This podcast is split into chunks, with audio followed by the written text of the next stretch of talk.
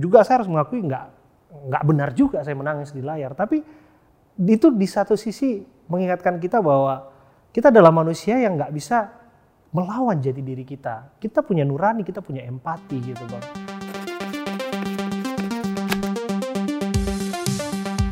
Dibully dan dihujat netizen gara-gara meneteskan air mata saat bertugas. Apakah seorang jurnalis boleh menangis?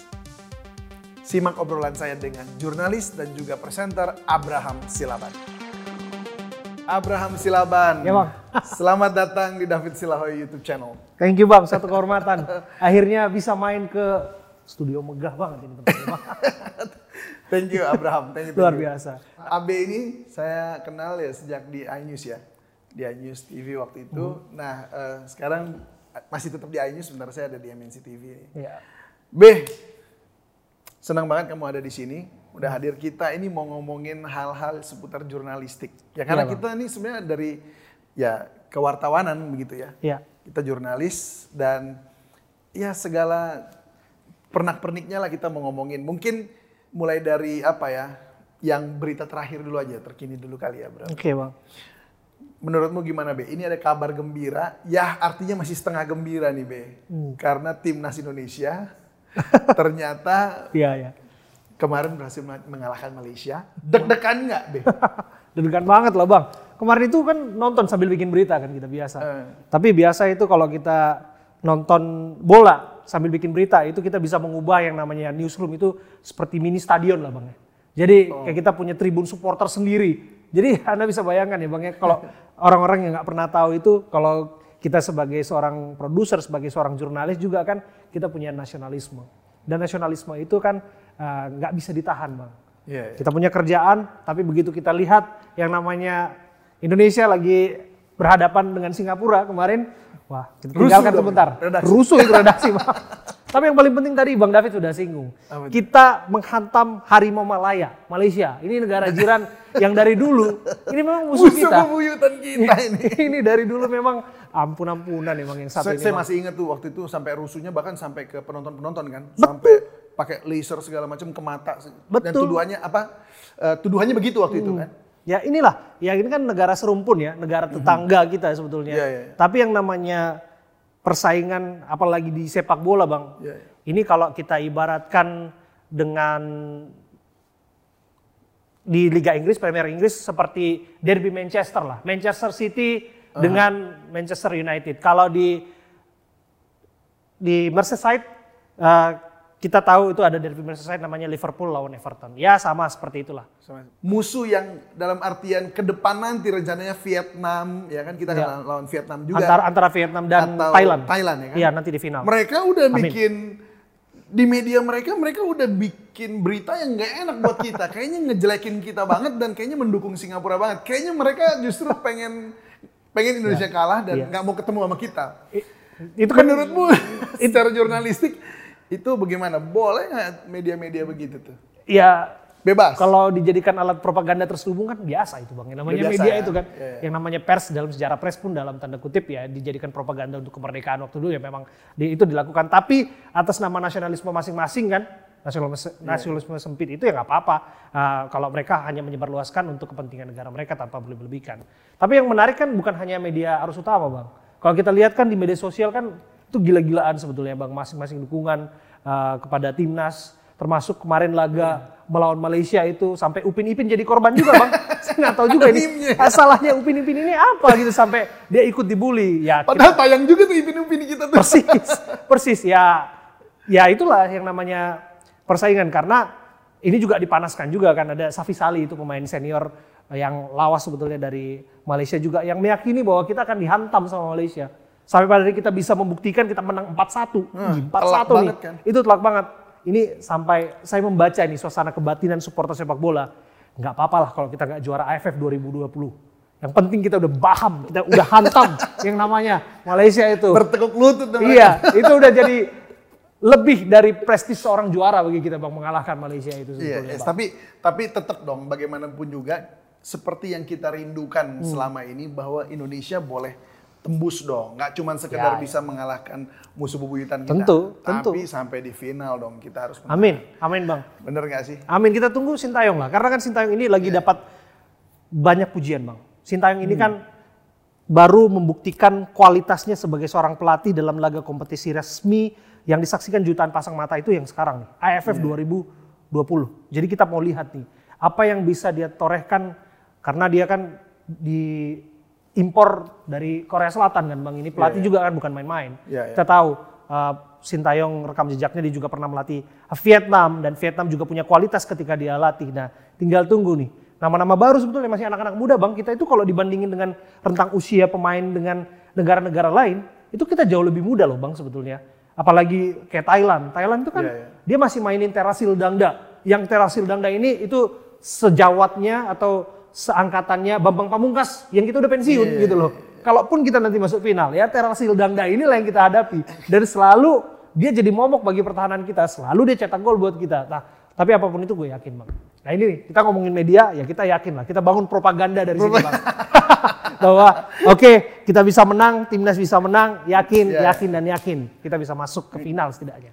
Gini Be, ini kan kalau ngomong soal timnas Ya. eh, atau ngomong soal bola, itu emosinya udah kelihatan banget. Persis, persis. Kayaknya menggebu-gebu Iya. ya kan, kayaknya juga bahkan nggak bisa tertahan ketika lagi bikin berita, ya berita sih bikin aja gitu. Iya, Tapi wah itu emosinya tumpah ruah tuh dalam ruangan dan Iya. dan rasa-rasanya kalau kita wawancara orang pun di jalanan mana pun gitu, mereka akan wah Indonesia harus menang, menang, Bang pasti David, menang. abang tahu nggak yang paling menyebalkan ketika bikin berita apa? Apa? Ketika bikin berita Indonesia dikalahkan, apalagi kalah lawan Malaysia. Aduh, itu sampai berurai air mata itu ketik bang. Aduh, Serius? Ya, itu Sampai udah nangis? Aduh, aduh. Masa sih? Jangankan bikin berita bang, kalau kita lagi siaran aja, kita siaran misalnya dan kita diskusi dengan uh, pundit ataupun pengamat sepak bola ya bang ya, dan Indonesia kalah, ampun-ampunan bang. Yang apalagi gini, ini orang kan bisa melihat antara menang dan kalah orang kan pasti tujuannya ke sana. Tapi Iya. orang juga secara utuh kan bisa menilai permainannya berkembang nggak, dan kemudian ada kemajuan nggak dari permainan ketika dilatih oleh seorang pelatih gitu loh. Kalau itu uh, dilihat oleh pecinta sepak bola Indonesia, kita itu kan santun sebetulnya bang, dan kita punya adab dan kita orangnya sifatnya kan banyak legowo, ya kita memahami itu. Tapi kalau udah mainnya nggak benar, nggak jelas, babak kualifikasi udah ampun-ampunan, kalah pula lagi Malaysia, udah hancur kita pasti yang namanya bulian, hujatan itu pasti datang ke Sintayong dan setidaknya pemain timnas maupun PSSI gitu loh. Tapi ya sejauh ini kan kita lihat impresif bang, meskipun kemarin imbang, tapi lawan Vietnam untuk untuk parkir bus aja pun kita kan diserang terus kemarin. Iya, sebelum lawan Malaysia kan kita lawan Vietnam itu kita dihantam terus sama serangan Vietnam. Tapi kita bisa tahan parkir bus tapi kita memahami itu bahwa oke kekuatannya mereka lebih kuat kita bisa bertahan ya nggak apa-apa ya secara permainan kita nggak nggak nggak nggak uh, bisa mengimbangi mereka tapi nggak bisa menghasilkan gol ya itu juga udah cukup lah jadi kita maklumi jadi seorang jurnalis juga bisa melihat Paling nggak nggak dibantai habis-habisan begitu lah ya. Itulah bang. Iya, bang. Jangan sampai lah bang. Karena kasihan bang kita siaran sambil sedih-sedih, kita sebel sendiri dan kita bikin berita kayak gitu. Aduh nggak enak bang. Nggak enak. Serius. banget, iya, iya. Iya karena kan jurnalis juga punya rasa bang. Kita juga punya man- kita juga manusia bang. Kita juga seorang nasionalis loh bang. Gitu loh. Jadi ya berharap lah. Ini kan bahasa sepak bola kan bahasa yang seragam bang. Iya. Soal politik orang bisa bermacam-macam perspektifnya. Bahkan orang punya pilihan masing-masing, Iya, iya. subjektif akan uh, suatu isu yang dianggap bahwa ini lebih ke kiri atau ini lebih ke kanan. Tapi soal sepak bola kita seragam, kita satu soal ini. Kita berharap bahwa timnas kita menang. Kita berharap bahwa Indonesia bisa juara, gitu bang. Itu itu udah kayak kerinduan bersama ya. Amin, amin. Impian bersama dan itu harus terjadi. Itu Amin. Kayaknya semua orang akan berharap yang sama. Iya bang, tentu. Dan dan itu perasaan yang seperti itu kan terlibat atau dilibatkan dalam eh, peristiwa-peristiwa seperti ini ya. Hmm. Nah di jurnalistik eh, kan juga ditemukan bukan cuman peristiwa-peristiwa yang gembira, Tentu, happy. tentu. Apalagi misalnya kayak kemarin ada soal eh, ada belasan santri di apa Hmm, perkosa, ya kan ditiduri oleh guru guru Pesantren. eh, pesantrennya sendiri gitu Ya. itu kan perasaan kita gimana ya? Saya baca juga pun sedih rasanya. Menyedihkan, Mau mau apa? Mau tarik napas juga susah rasanya. Udah gemeteran gitu. Satu saranku bang, ngelihat abang jangan sampai nangis di layar. Nan- nanti viral kayak aku bang. Takut, takutnya kalau udah viral, dihujat, dipuji. Antara dua ini aja pilihannya dan dua-duanya ada. Menurut Bapak, ke- apa yang ingin Bapak sampaikan tentu saja kepada keluarga yang nanti akan merawat bayi ini Pak? Ya semoga yang ditinggalkan tabah dan semoga bayi lekas sembuh. Gala itu sebetulnya seorang bayi yang usianya satu tahun lebih sedikit lah kalau nggak salah ya bang. Satu tahun dua bulan, tiga bulan bisa saya salah. Tapi saya nggak membayangkan bahwa itu harus dialaminya bang. Di tengah bahwa dia eh, sedang bersenang-senang ya dengan orang tuanya dalam perjalanan ke Surabaya dari Jakarta. Kan kita bisa juga lihat ikutin beberapa instastory dari Vanessa. Dia itu masih ya menari-nari di dalam mobil. Kemudian dari instastorynya Bibi juga dia masih duduk tersenyum dengan bapaknya. Nggak lama, hitungan beberapa menit dari kejadian itu dia harus kehilangan kedua orang tua itu dan dia harus merangkak di tengah jalan tol yang panas dengan mata memar terluka dan sambil meraung-raung kan mencari orang tuanya dan orang tuanya meninggal bang. Jadi itu yang kita nggak bisa bayangkan ya bang. Maksud aku tuh Terus kenapa Iya. waktu itu Kak, kamu menangis karena karena karena eh, melihat Gala nih akan nantinya nggak punya orang yang mengasuhnya lagi atau karena ada apa? gini bang. eh, mungkin kita juga harus mengakui bahwa dalam profesi kita dituntut profesional. Tentu tentu lah bang kan karena kita pemangku profesi wartawan apalagi kita divisi penyiaran yang sifatnya eh, menjadi garda terdepan dalam pemberitaan ini ya kita harus dewasa, kita harus menguasai layar. Tidak seharusnya saya menangis dan itu saya akui bang. Itu juga saya harus mengakui nggak nggak benar juga saya menangis di layar. Tapi itu di satu sisi mengingatkan kita bahwa kita adalah manusia yang nggak bisa melawan jati diri kita. Kita punya nurani, kita punya empati gitu bang. Dan dalam konteks yang serupa juga aku juga seorang bapak, bang David tahu. Oh iya. Uh, Pas bapak kamu yang punya anak juga Persis. yang umurnya nggak beda jauh nih. persis gitu bang dan ketika dia cerita merangkak di jalan tol sebelum kerja kan sebelum siaran dan bedakan di layar kaca itu kan kita pamitan dengan anak yang juga lagi berangkat lagi belajar merangkak di jalan-jalan di lantai-lantai gitu bang. Jadi eh, begitu dia cerita saksi mata menceritakan bahwa dia orang pertama menyaksikan anak itu merangkak menangis dan sambil pelipisnya berdarah begitu di pinggir jalan tol yang panas itu bang dan dia cari orang tuanya dan dia nggak dapatkan itu, itu sedih sekali bang. Dan entah kenapa sekilas itu saya langsung ingat anakku gitu kan bang. Karena kami juga eh, pernah mengalami cobaan. Bang David juga pernah mengalami cobaan yang mirip ketika kena covid waktu itu kan bang. Saat keluarga kami juga kena eh, bertiga tapi usia bayi kami waktu itu dua bulan. Dan itu semakin melekatkan saya dengan eh, bayiku gitu ya bang ya. Jadi ketika kejadian itu terjadi sekilas kita ingat bayi kita sendiri dan sekilas kita juga merasa sedih ya kenapa anak itu harus mengalami uh, peristiwa itu. Tapi saya yakin bahwa uh, itu adalah mujizat Tuhan bang yang luar biasa. It- ya perkenanan Tuhan bahwa Gala itu masih ada sampai saat ini gitu. Dengan kondisi mobil yang ringsek yang tragis seperti itu dia masih bisa selamat ya itu dia bang. Ya sekuat tenaga bang David. Abang kan lebih senior dari aku. Ngomong bahasa senior ini kayak ini banget ya bang. Tapi lebih lebih pokoknya abang lebih memulai karir abang kan lebih dulu daripada aku di industri TV dan memang hampir tidak pernah kejadian lah jarang-jarang lah ya bang ya presenter itu di layar kaca itu harus menangis kan. Dan itu terjadi begitu aja gitu bang. Nggak nggak sanggup untuk menahan itu meskipun sudah beberapa kali untuk menahan. Jangan sampai jangan sampai ternyata ya sedih banget karena kan informasinya kan kita ikutin terus bang Ya itu spontanitas ya karena karena membayangkan bagaimana anak ini harus kehilangan orang tuanya masih di usia yang masih muda. iya bang Lalu kemudian bagaimana kehilangannya pun di depan matanya. Iya, Bang. Dia mengalami eh, trauma di kepala. ya Iya. kan? Itu kan pasti benturan. Aduh kasihan memang. dan dia harus Emang merangkak di jalan tol yang panas kalau kita Iya, iya.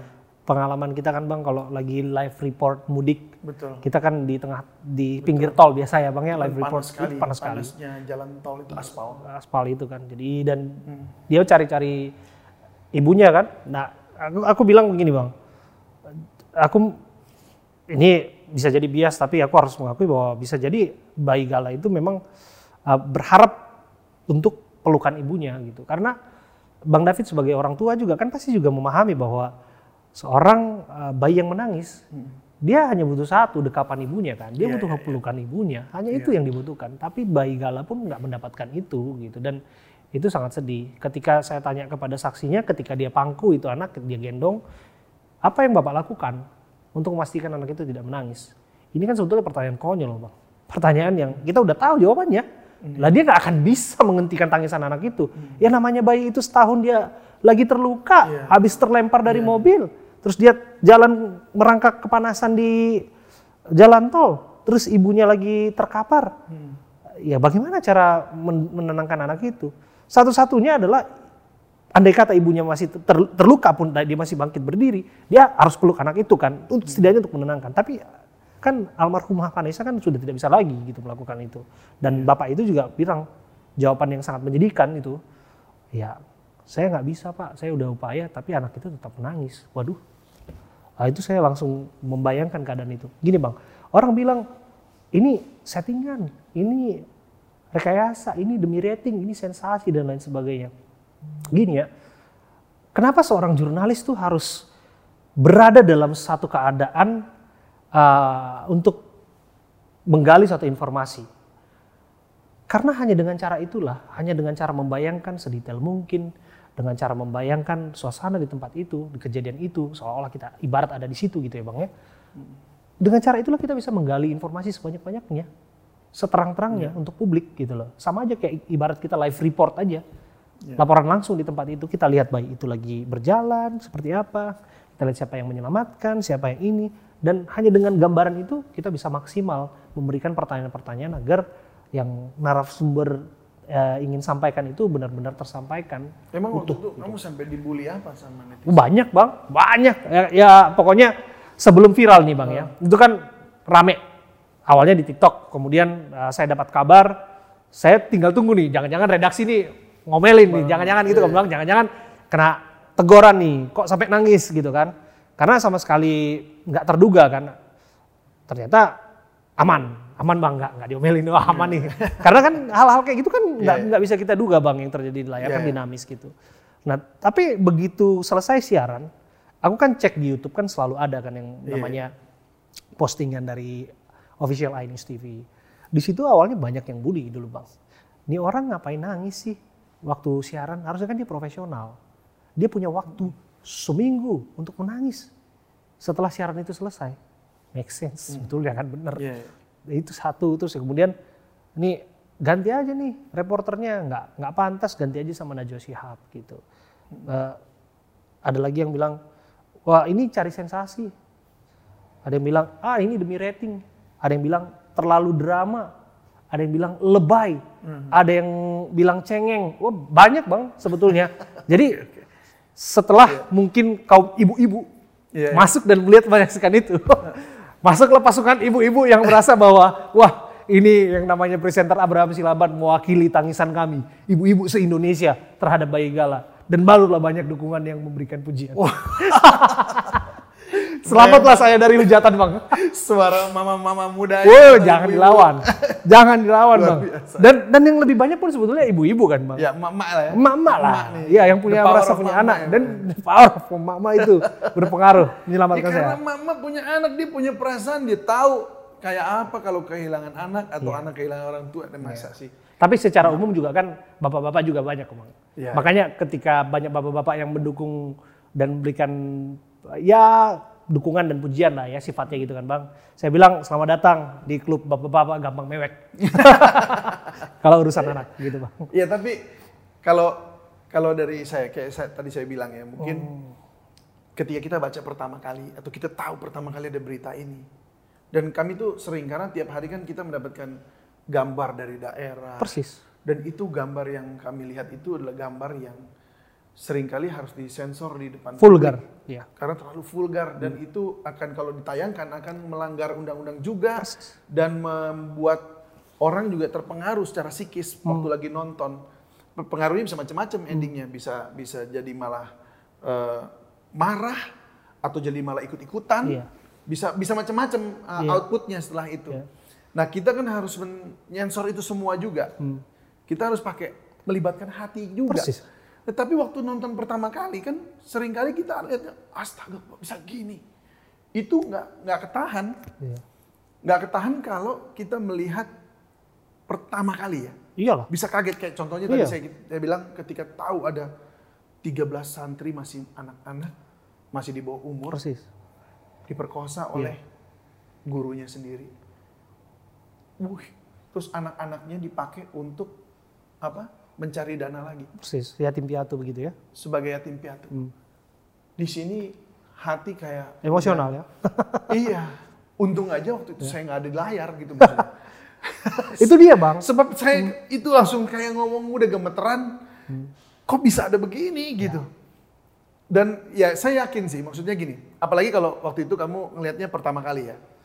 Maksudnya ngelihat peristiwa itu pertama atau mungkin sedang wawancara itu pertama kali. Pasti kan sulit untuk menyembunyikan Hmm. perasaan itu. Kalau apalagi itu udah sangat attached. Sebetulnya bukan ketika mendapat informasi pertama di situ bang. Justru karena kita, nah itu juga ada satu komentar yang bilang, apa nih orang nggak punya media sosial, dia nggak tahu informasi dan dia nggak tahu kejadian ini. Itu kan wawancara yang tayang setelah seminggu kejadian Oh, itu kira-kira. Iya. Jadi Oke. apakah itu eh, dia baru tahu gitu loh, dia nggak ngikutin yang namanya berita. Loh salah. Justru karena saya yang ikutin pertama kali Mhm. informasi itu dan sedetail-detailnya vulgar tanpa sensor. Saya lihat itu, mohon maaf ya, almarhumah yang terkapar, kemudian saya bisa bayangkan kondisi di seperti itu. Uh, Bibi almarhum yang kegencet mobil yang udah ringsek dan meninggal di tempat juga bang. Nah itu informasi yang pertama kita dapatkan dan kita ikutin terus dan kita ikut storyline-nya seperti apa, kita ikut bagaimana kelanjutan informasinya. Karena itu baru sekedar informasi pertama. Persis. belum ada peristiwa kelanjutannya yang digambarkan oleh orang lain. gitu ya. Berkembang. Jadi artinya itu kan berkembang setelah Persis. penyelidikan berjalan. Ya, hanya karena kita ikutin informasi itulah, sedetail-detailnya, seterang-terang itulah, kita semakin attach dengan itu, Bang. Kasihan ya anaknya. Pertama kali dengar informasi itu, Bang, bahwa Bibi dan juga Vanessa kecelakaan. Saya kasih tahu sama istri, ya Vanessa sama Bibi yang artis itu meninggal, katanya kecelakaan. Hah, masa? Gitu. Eh sudah gitu aja. Selesai. Karena yang namanya kecelakaan kan Bang kita liput tiap hari, Kayak kita tahu tiap hari-hari hari. ada gitu, Kayak ya. minum air aja gitu. Tapi ketika kita ikutin informasinya, ini juga menjadi penyakit bagi kita sebagai seorang jurnalis, Bang. Penyakit apa yang dimaksud? Kepo. Karena ada kepo yang sifatnya gibah, Bang. Orang tuh ngomongin orang di belakang. Tapi setiap wartawan, setiap jurnalis pasti punya itu yang namanya kepo.